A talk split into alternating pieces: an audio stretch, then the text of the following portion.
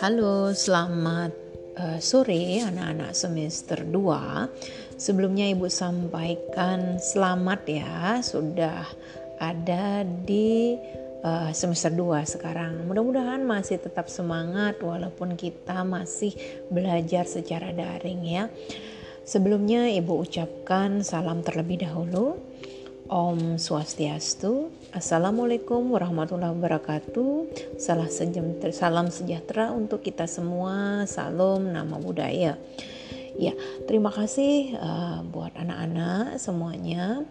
Uh, kita baru bertemu di semester ini ya. Dan Ibu akan membantu dosen pengampu utama untuk mata kuliah metode pengajaran. Sebenarnya mata kuliah metode pengajaran dan belajar serta pembelajaran, uh, kemudian ada psikologi pendidikan juga itu mirip-mirip semuanya uh, ininya materinya. Nah hanya saja karena ini sifatnya online daring gitu ya, uh, ibu selalu menawarkan agar ada pegangan untuk kalian gitu, pegangan referensi. Jadi jadi tidak uh, pikiran itu tidak ke mana-mana mau belajar gitu ya. Nah hanya saja itu kan penawaran, tetapi mungkin di grup belum ada direspon gitu ya bagi yang berminat untuk membeli buku gitu karena ibu uh, kalau udah yang nggak ada berminat kan nggak mau maksa juga ya. Uh, tetapi ya konsekuensinya begitu. Jadinya kita nggak nggak paham benar dengan mata kuliah yang akan kita uh, jalanin gitu ya.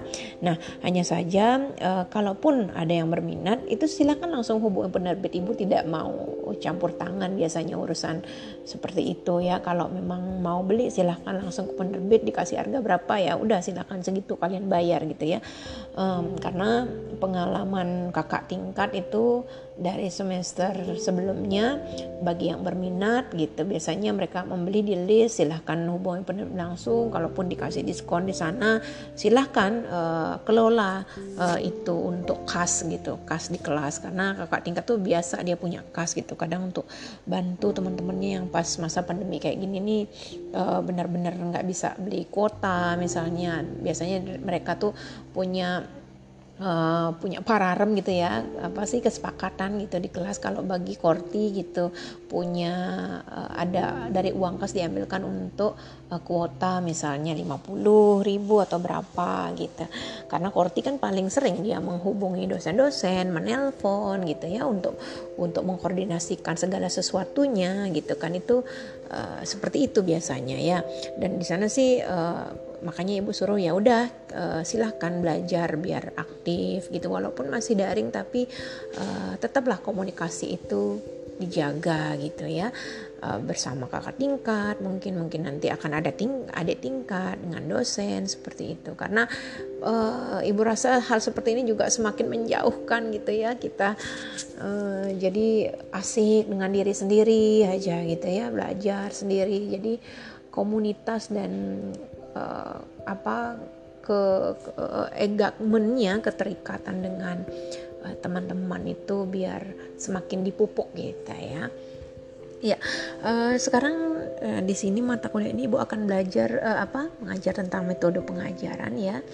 Uh, sebenarnya ringan juga mata kuliah ini karena kita akan belajar tentang metode-metode pengajaran gitu di dalam kita uh, nantinya akan terjun sebagai calon pengajar gitu. Kalau kalian di sini kan calon guru ya, calon guru BK gitu ya. Sehingga nanti uh, mata kuliah ini akan lebih uh, dikaitkan dengan metode-metode pengajaran yang akan bisa kita uh, implementasikan kepada anak didik kita ya. Disesuaikan dengan basic keilmuan kita masing-masing tentunya gitu ya. Nah uh, sebelumnya mungkin sudah sempat buka-buka PowerPoint atau baca-baca gitu ya karena itu PowerPoint juga udah yang dari sebelumnya udah ibu share gitu ya. Nah hanya saja penjabarannya kan ibu suruh ketik tuh di Word gitu ya. Sekarang materi yang ibu akan sampaikan mungkin berbeda ya sekarang lebih pada akan belajar tentang taksonomi pembelajaran gitu Nah, um, mungkin langsung saja sambil mendengarkan gitu ya, uh, pelan-pelan gitu agar dipahami juga gitu ya. Hmm, pengalaman di lapangan gitu ya sering kali menunjukkan bahwasanya kegiatan pembelajaran itu kan uh, seringlah dilakukan yang dilakukan kita sebagai pengajar. Kalau ibu di sini dosen ya itu beraneka ragam kegiatan pembelajarannya ya. Ada dosen yang mungkin memulai mengajar dengan mengajukan pertanyaan kepada mahasiswa mungkin ya. Ada pula yang menjelaskan kompetensi hasil belajar yang akan dicapai gitu ya. Ada yang uh, apa memberikan langsung memberikan uh, materi pembelajarannya. Ada yang menutup pembelajaran dengan memberi tugas atau merangkum materi gitu ya. Ada juga uh, apa memberikan uh, apa ya kayak poin-poinnya seperti itu. Kemudian kalian yang akan berdiskusi dan mencari sendiri. Banyak banyak sekali cara beraneka ragam kegiatan pembelajaran yang dilakukan oleh pengajar gitu ya dalam mengelola pembelajarannya dan itu setiap pengajar tentu memiliki model sendiri juga untuk menentukan uh, urutan kegiatan pembelajarannya gitu ya. Dan setiap model itu tentu kan dipilih atas dasar apa? Atas dasar keyakinan akan keberhasilannya dalam mengajar atau pemilihan itu mungkin atas intuisi atau dasar kepraktisan gitu. Atau pula e, berdasarkan teori-teori tertentu gitu ya apa e, bagaimana model pembelajaran yang akan disampaikan gitu. Apalagi nanti kalian sebagai guru BK tuh bagaimana? Apa sih modal seperti apa yang akan kalian uh, sampaikan nanti kepada anak didik gitu loh. Apa sih yang kalian harus siapkan dulu gitu. Nah, sebelum kalian uh, terjun ke uh, dunia classroom gitu tentunya ya. Nah, Uh, kemudian uh, mungkin kalian sambil bisa lihat slide atau sambil dengarkan juga pelan-pelan ya.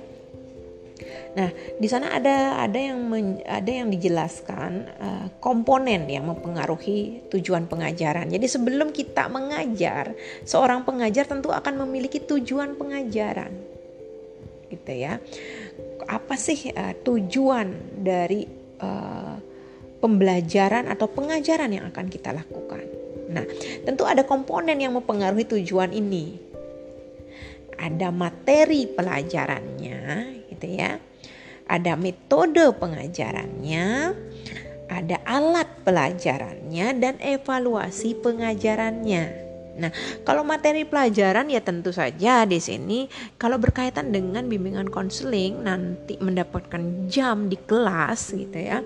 Apa sih materi pelajaran yang bisa kita sampaikan gitu kalau misalnya nanti uh, eh, BK dapat kelas di kelas 1 gitu. Nah, mungkin nanti mungkin materi-materi apa yang berdasarkan permasalahan siswa misalnya banyak siswa yang membolos gitu misalnya atau banyak melanggar aturan. Nah, berarti perlu kita kasih materi apa? Mungkin materi tentang kedisiplinan ya, lewat mungkin bimbingan klasikal atau bimbingan kelompok bagi uh, siswa-siswa yang memang bermasalah gitu ya. Berarti kita perlu um, uh, apa mempersiapkan komponen tersebut. Nah, karena materi pelajaran ini materi yang akan kita sampaikan itu kan akan mempengaruhi tujuannya nanti pada tujuannya kita ingin ingin anak didik kita apa? Mungkin kalau BK ya anak didiknya berkarakter yang baik, berkepribadian yang baik seperti itu ya.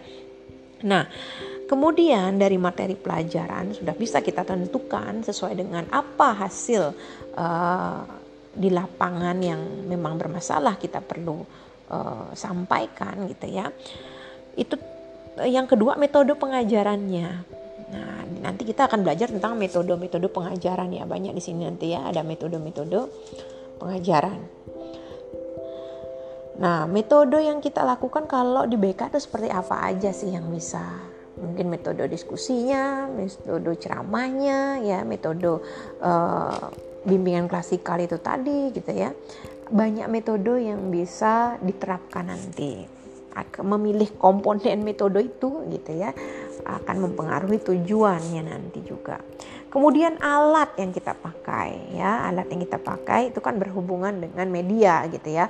Apa saja sih uh, media atau alat pelajaran yang akan kita pakai yang menunjang gitu metode pengajaran itu gitu. Kemudian nanti ada evaluasi pengajaran. Nah, setelah kita melakukan uh, pengajaran kepada siswa, kita melakukan pemberian informasi gitu. Tentu ada evaluasinya pengajaran itu. Sejauh mana sih uh, efektif berhasilnya uh, apa yang kita ajar, apa yang kita ajar tersampaikan nggak dengan baik seperti itu. Ada evaluasinya itu nanti. Nah, jadi kalau dengan demikian, perlukah sih perencanaan itu? Tentu perlu ya.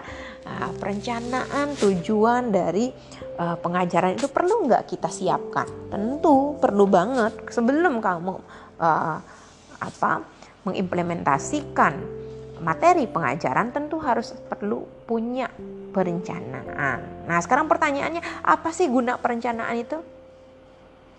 Nah, gunanya salah satu aja adalah pelaksanaannya itu akan menjadi pelaksanaan pengajaran itu menjadi efektif ya kalau kita udah punya tujuan. Sama seperti halnya ibu sekarang mengajar metode pengajaran. Metode pengajaran itu lebih berbicara pada metode-metode yang dipakai dalam proses pembelajaran. Apa saja tuh banyak metodenya. Nah, uh, metode yang banyak ini nanti kalian harus paham secara uh, detail, misalnya kelebihan kekurangannya dan mahasiswa mampu nanti menerapkan metode ini gitu ya di dalam pelaksanaan implementasinya nanti gitu ya. Entah metode ceramah bisa nggak kalian nih menjelaskan sesuatu misalnya di depan orang banyak di depan uh, siswa gitu. Itu metode salah satu gitu atau metode diskusi gitu misalnya ya. Nah seperti itu kompetensinya harapnya nanti bisa seperti eh, seperti yang ibu sampaikan ya kemudian selanjutnya mungkin uh, dari segi waktu itu akan efisien banget ya kalau kita sudah punya tujuan Oke, tujuannya pokoknya minggu ini, ya, pertemuan hari ini ibu akan membahas yang namanya taksonomi Bloom gitu misalnya ya. Tingkatan tujuan dari pembelajaran dari ahli bernama Bloom. Ibu akan kupas habis itu gitu ya, biar anak-anak paham uh, saat membuat tujuan perencanaan apa uh, membuat perencanaan anak-anak paham ini uh, apa taksonominya seperti apa gitu.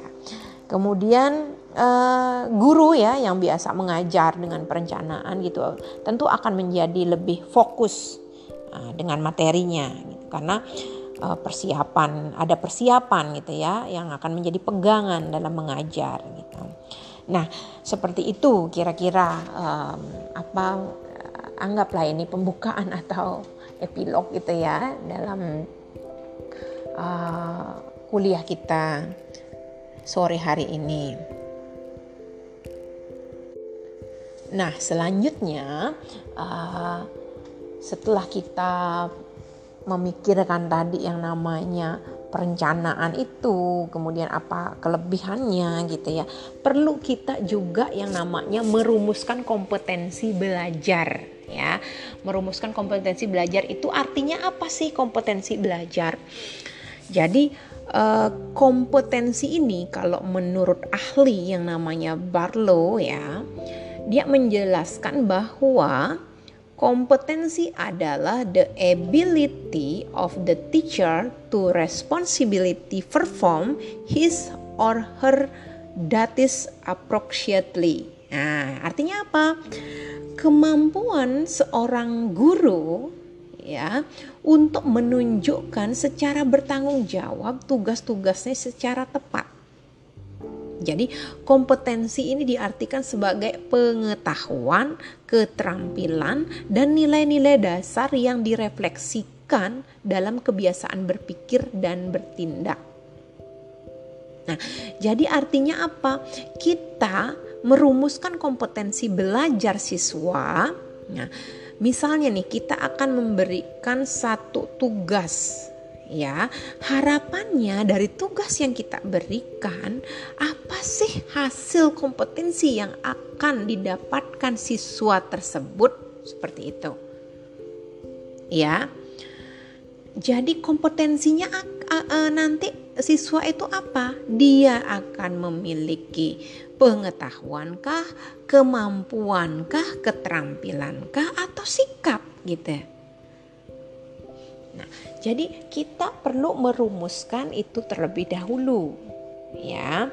Jadi berdasarkan pengertian tersebut, standar kompetensi yang dihasilkan oleh nanti dan standar kompetensi guru nah, guru kan kita kan guru kita punya standar kompetensi juga kan adalah suatu pernyataan tentang kriteria nah kriteria maksudnya kualifikasi kriteria yang dipersyaratkan gitu ya ditetapkan gitu ya dan disepakati bersama dalam penguasaan pengetahuan keterampilan dan sikap bagi seorang tenaga kependidikan sehingga layak disebut kompeten. Nah, itu kompetensi guru, kompetensi kita mengajar karena kalian nanti sebagai calon guru gitu ya. Nah, kalau dari uh, Direktorat Tenaga Pendidikan Dasar gitu menengah di Daksmen gitu ya Eh, di sana dijelaskan definisi kompetensi itu sebagai pengetahuan, keterampilan, dan nilai-nilai yang direfleksikan dalam kebiasaan berpikir dan bertindak. Jadi pada saat kita berpikir dan bertindak pun sebagai calon seorang guru harus memenuhi kompetensi itu, pengetahuan, keterampilan, dan nilai-nilai sikap yang direfleksikan dalam berpikir dan bertindak. Gitu ya. Nilai-nilai yang direfleksikan maksudnya. Nah, uh, sehingga apa? Uh, standar kompetensi guru itu menjadi ukuran yang ditetapkan atau dipersyaratkan.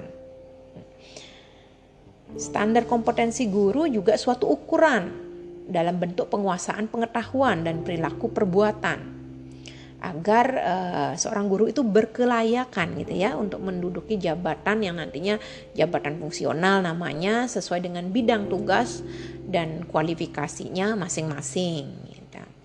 Nah, makanya sebelum kita menjadi seorang uh, apa calon guru dan kita juga merumuskan nanti kompetensi yang didapat dari siswa, kita juga perlu belajar yang namanya kompetensi untuk diri kita sendiri ya. Di slide itu kan ada tuh tiga kategori dalam merumuskan tujuan taksonomi Bloom gitu ya, tujuan belajaran. Itu uh, si Bloom itu siapa sih? Sebenarnya namanya itu Benjamin S. Bloom ya. Dia lahir sekitar uh, ya pada pada masa tahun itu uh, 1956 gitu ya. Di mana dia itu seorang ahli pendidikan yang terkenal itu Eh, dan dia pencetus konsep taksonomi belajar. Ya, dia adalah pencetus konsep taksonomi belajar. Nah, taksonomi belajar itu adalah pengelompokan tujuan. Pengelompokan tujuan berdasarkan domain atau kawasan belajar. Jadi Nah, ini nanti Ibu akan jelaskan di sini ya. Menurut belum itu ada tiga domain belajar itu seperti apa sih? Nah, dan ini harus kalian pahami itu harus nanti di luar kepala loh ya. Taksonomi belum ini. Nah, taksonomi belum ini domain belajar itu ada tiga ya, dan itu masing-masing itu ada penjelasannya ya. Nah, sehingga dari tiga ini apa saja itu? Yang pertama adalah kognitif domain, kawasan kognitif ya. Kedua adalah affective domain, kawasan afektif. Yang ketiga adalah psikomotor domain, kawasan psikomotor, kawasan psikomotorik. Ya. Jadi apa aja ini? Nah, makanya kita sering dengar kan kalau ada orang ajar harus memenuhi, memenuhi kognitif, afektif, psikomotor. Nah, sering seperti itu. Nah, itu adalah taksonomi dari si belum punya.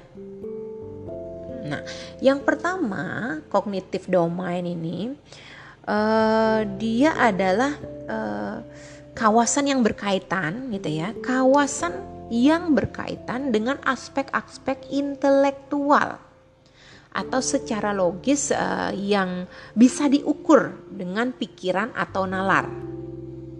Nah, kawasan ini nih terdiri dari satu pengetahuan, knowledge, dua terdiri dari pemahaman, comprehension, ketiga terdiri dari penerapan, application, keempat terdiri dari penguraian, analisis,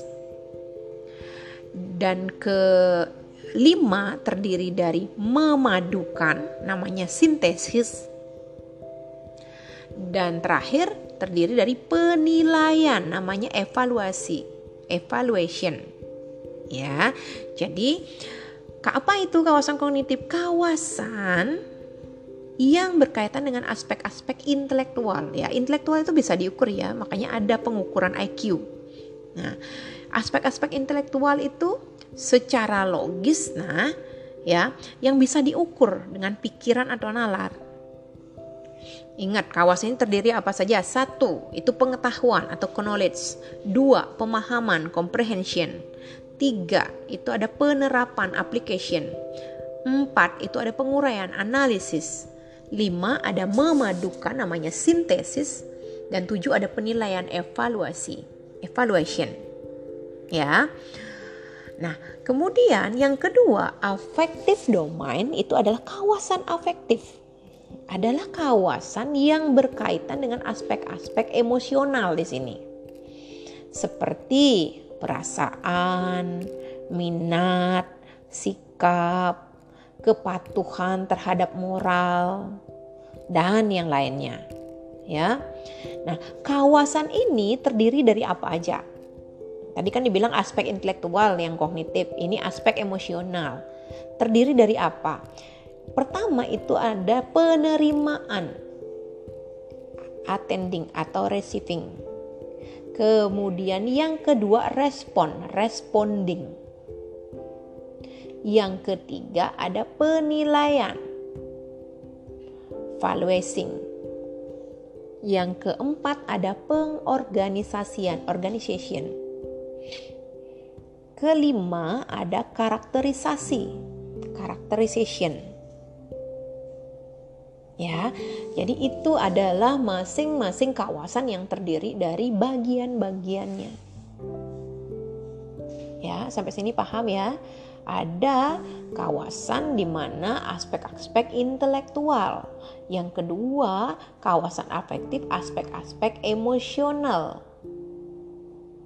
Kemudian yang ketiga adalah psikomotor domain, artinya kawasan psikomotorik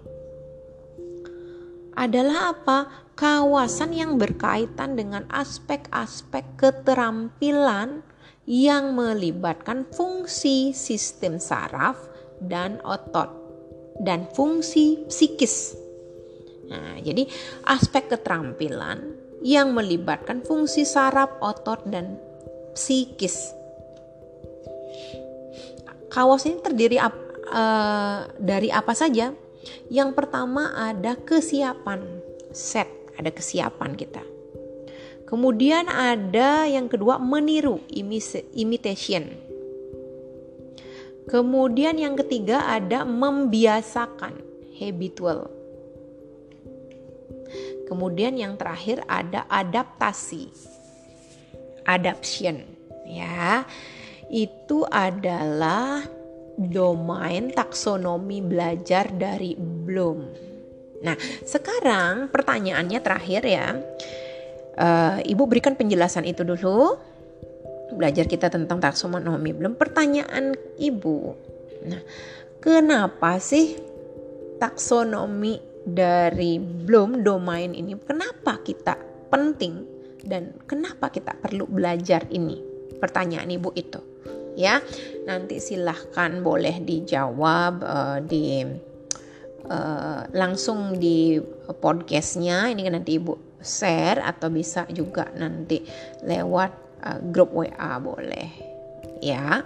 Sementara itu dulu belajar kita yang pertama, mudah-mudahan runtutannya kalian paham ya bahwa uh, kita perlu belajar apa sih sebagai seorang guru gitu.